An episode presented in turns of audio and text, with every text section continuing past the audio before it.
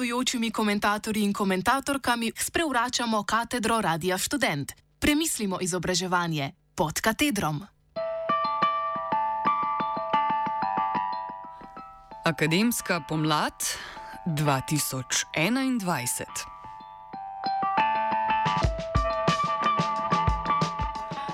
Drage kolegice in kolegi, spoštovano vodstvo.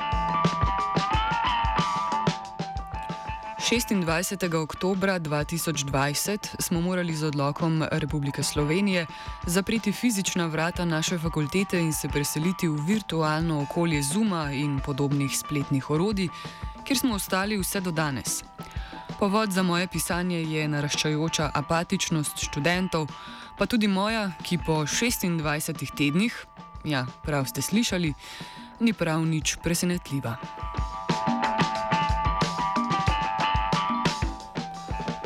Vse te tedne smo večinoma nemo opazovali dogajanja v vladi in strokovni skupini, ki naj bi sprejemala strokovno utemeljene ukrepe za obvladovanje epidemije COVID-19.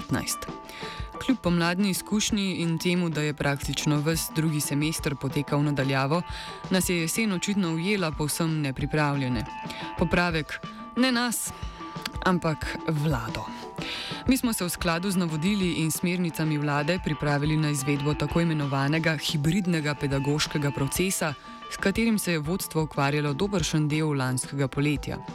Na fakulteti naj bi bila vsak teden približno ena četrtina študentov, s čimer bi oblikovali štiri varčne mehurčke, varne mehurčke. Ali pa, no, varne mehurčke, ki se med seboj ne bi mešali.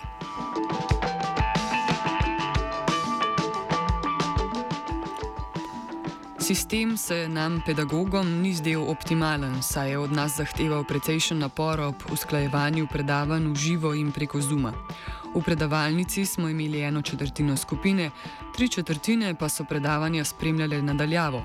Tudi študenti nas hibridno izvedbo, nad hibridno izvedbo niso bili navdušeni, saj jim je bilo lažje spremljati predavanje, če je predavatelj sedel pred ekranom in se v celoti posvečal le njim.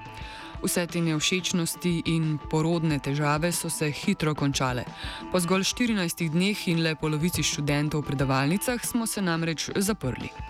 Pridno, ubogljivo, odgovorno se nam je zdelo. Odgovorno do starostnikov, kroničnih bolnikov in vseh ostalih ranljivih skupin, ki naj bi jih tako zaščitili.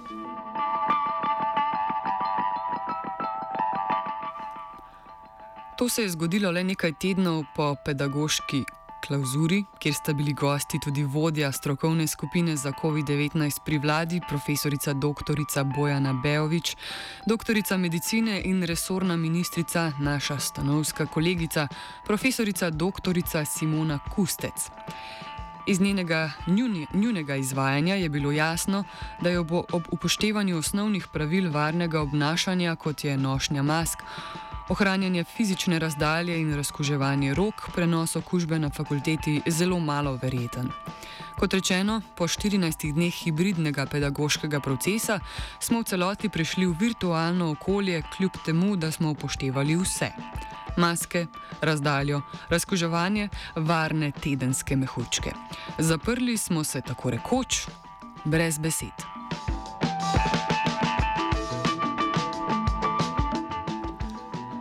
Med pedagogi sta nastala dva tabora. Eden se je zauzemal za predavanja v živo, drugi pa za absoluten prehod v virtualno okolje. V tistem času je bilo vprašanj več kot odgovorov, neznank veliko in do neke mere sem uspela razumeti tudi stališče tistih, ki niso želeli priti na fakulteto. Nekateri so sodili oziroma sodijo med ranljive skupine in so bili njihovi strahovi posem utemeljeni, drugim se je zdel prehod v virtualno okolje za vse enostavno boljša rešitev.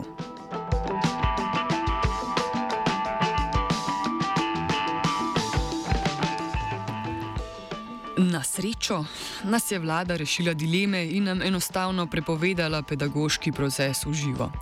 Prepričana sem, da takrat nihče ni niti pomislil, da bomo 26 tednov kasneje še vedno točno tam, kjer smo obtičali 26. oktober 2020.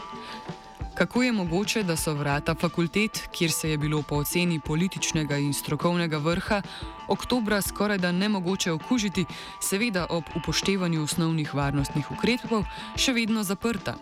Kako in kdaj smo postali in ostali najnevarnejše žarišče okužb? Kako je mogoče, da smo bili priča protestom dijakov, njihovim globam in po besedah naše resurske ministrice njihovemu vstopu v svet odraslosti in odgovornosti? Slovenske univerze z nami ured pa so v glavnem molčale in molčijo.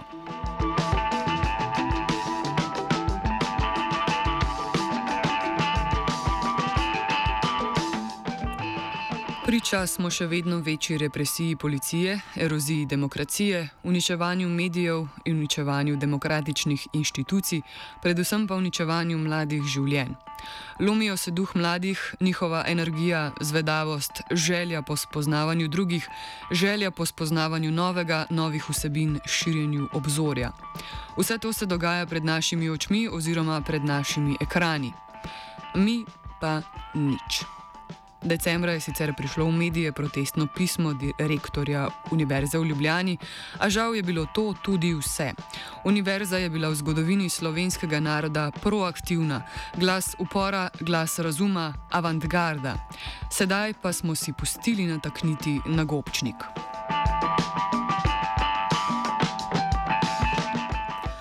Mi, ki ne bi bili intelektual, intelektualci, ki vzgajamo bodoče intelektualce. Kje je glas profesorjev in kaj za vraga je z nami narobe? Gre res za našo odgovornost do ranljivih, za naš strah, za lastno zdravje in zdravje svojih bližnjih, ali pa morda za lastno komoditeto? Apatičnost? Strah pred maščevalnimi protiukrepi vlade?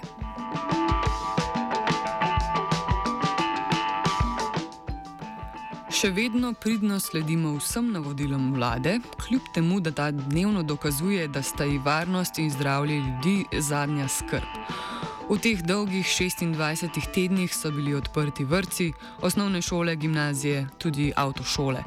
Ne vsi, ne vse čas, vendar so bili odprti, predvsem pa je z redkimi izjemami v veliki meri delovalo gospodarstvo.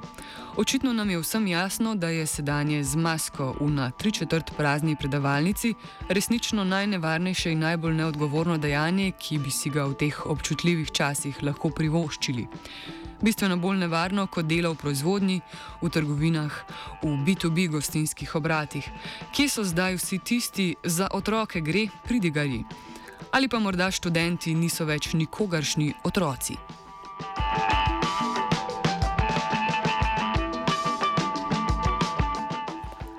Dovolj je, dovolj in preveč.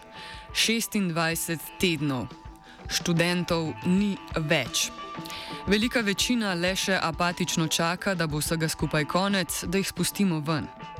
Ven iz vsega in od vsega in da jim damo čim boljšo oceno, kot gre razumeti tiste izjemno redke, ko jih vsaj ne bi bilo, nastope naše resorne ministrice. Farsa je, da po takem akademskem letu kimamo, da so študentje vseeno usvojili znanje in kompetence, enake generacijam pred njimi, in da za ocenjevanje njihovega znanja uporabljamo enake kriterije. To seveda niti približno ne drži, ker ne more držati. Nedvodno so med predmeti velike razlike v načinu dela, ampak pri mojih predmetih z področja tujega strokovnega jezika je interakcija temeljnega pomena. In po dveh semestrih, oziroma treh, če štejemo še pomladanskega, zumanja interakcije ni več.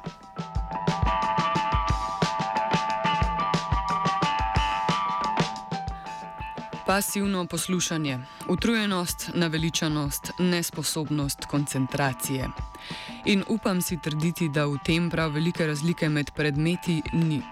Prav tako to zagotovo ni pot k usvajanju znanja in kompetenc. Mogoče bi se morali za kakšen teden priklopiti na zoom urnik svojih študentov, da bi lažje razumeli, kaj pomeni boščati v ekran cele dneve, dan za, den, dan za dnem, teden za tednom. Kaj pomeni se po zoomu povezovati s kolegi in delati projektne naloge, ostati na računalniku in študirati, vrati gradiva online, pisati seminarske naloge, za lahko noč pa se s prijatelji dobiti še na Zoom, FaceTime ali kakšni drugi virtualni pijači. In če boste zdržali 4 tedne, ne 26, si po mojem mnenju zaslužite jabolko navdiha našega predsednika države ali pa vsaj fototermin.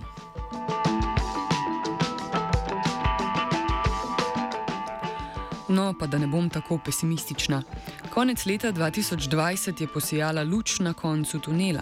Luč, ki se ji reče cepljenje. V debato o cepljenju, dostopnosti in vrstah cepiva se ne bom spuščala, saj za to nisem strokovno usposobljena.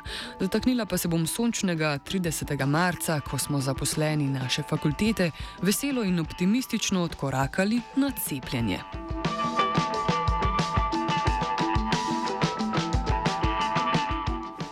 Predvidevam, da smo se mnogi odločili za to tudi ali morda predvsem zaradi želje, da bi lahko ponovno odprli vrata fakultete in v njo sprejeli študente. Da bi pomagali mladim, ki naj bi bili zaradi virusa le malo ogroženi, plačali pa so nesorazmerno visoko ceno in se za vsaj 26 tednov odpovedali večini študentskega življenja, ki so ga ob upisu na fakulteto oziroma v višji letnik pričakovali. Mnogi so se morali vrniti domov k staršem, od katerim, katerih so se v preteklosti že finančno osamosvojili, mnogi se niso imeli kam vrniti, ker domači pogoji za študij in življenje niso bili več primerni. Mnogi tuji študenti so obtičali osamljeni in izolirani od študijskih kolegov, prijateljev, družine. Vse to smo imeli, upam, da mnogi izmed nas v mislih ko smo se šli prednostno cepiti, čeprav ne sodimo v nobeno kritično kategorijo. Če temu ni tako in bomo še naprej sedeli pred ekrani računalnikov, potem je bila vse skupaj le farsa. Morda smo visokošolski učitelji tako visoko unetljiva in nevarna kategorija, da tudi v osami pred računalnikom predstavljamo leglo okužbe in posledično generiramo tretji ali pa 26. val epidemije. Dvomim.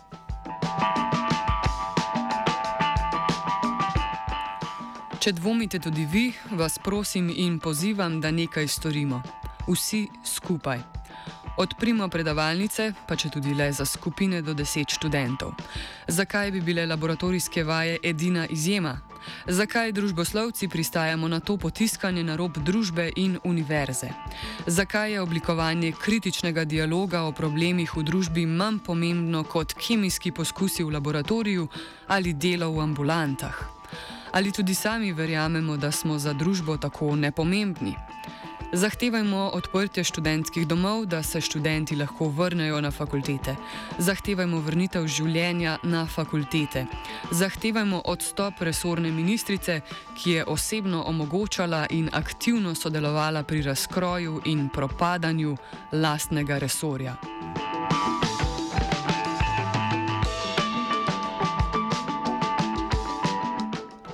Verjamem in želim verjeti, da je velika večina pedagogov nad trenutnim dogajanjem in razpadom družbe zgrožena, da enostavno ne najdemo več besed.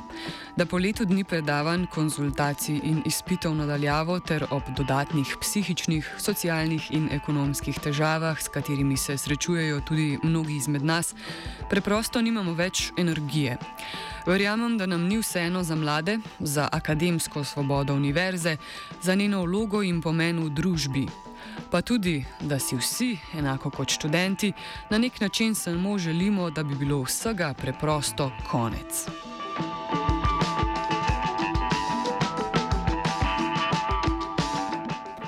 Žal je pot razvoja naše države trenutno zelo jasna, kot je tudi jasno prikazana vloga univerze in intelektualcev nije. Potrebujemo še več oferjev, mi pa smo nepotrebni in nezaželeni. In če se s tem ne strinjamo, bomo morali nekaj narediti, spremeniti, se oglasiti. Ne naenkrat, ampak stokrat, tisočkrat, vsak dan znova. Postati moramo slišani in videni, in naša proaktivnost naj bo za zgled tudi mladim, ki, jim, ki jih izobražujemo. Če se pokrijemo z blazino čez glavo, se bomo zbudili le še v večjo nočno moro, kot je ta, v kateri trenutno živimo. Kot je zapisala Renata Salecel v svojem prispevku Otopelost in avtoritarizem, zato še en korak, dragi moji. Še enkrat pogledajmo, kaj res to je, kam gremo.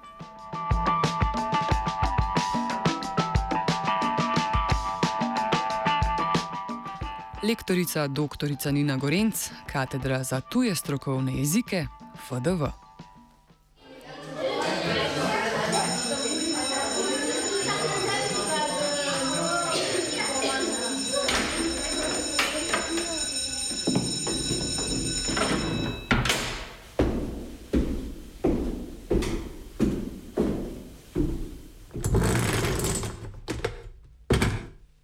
Gostujočimi komentatorji in komentatorkami sprevračamo katedro Radia Student. Premislimo izobraževanje pod katedrom.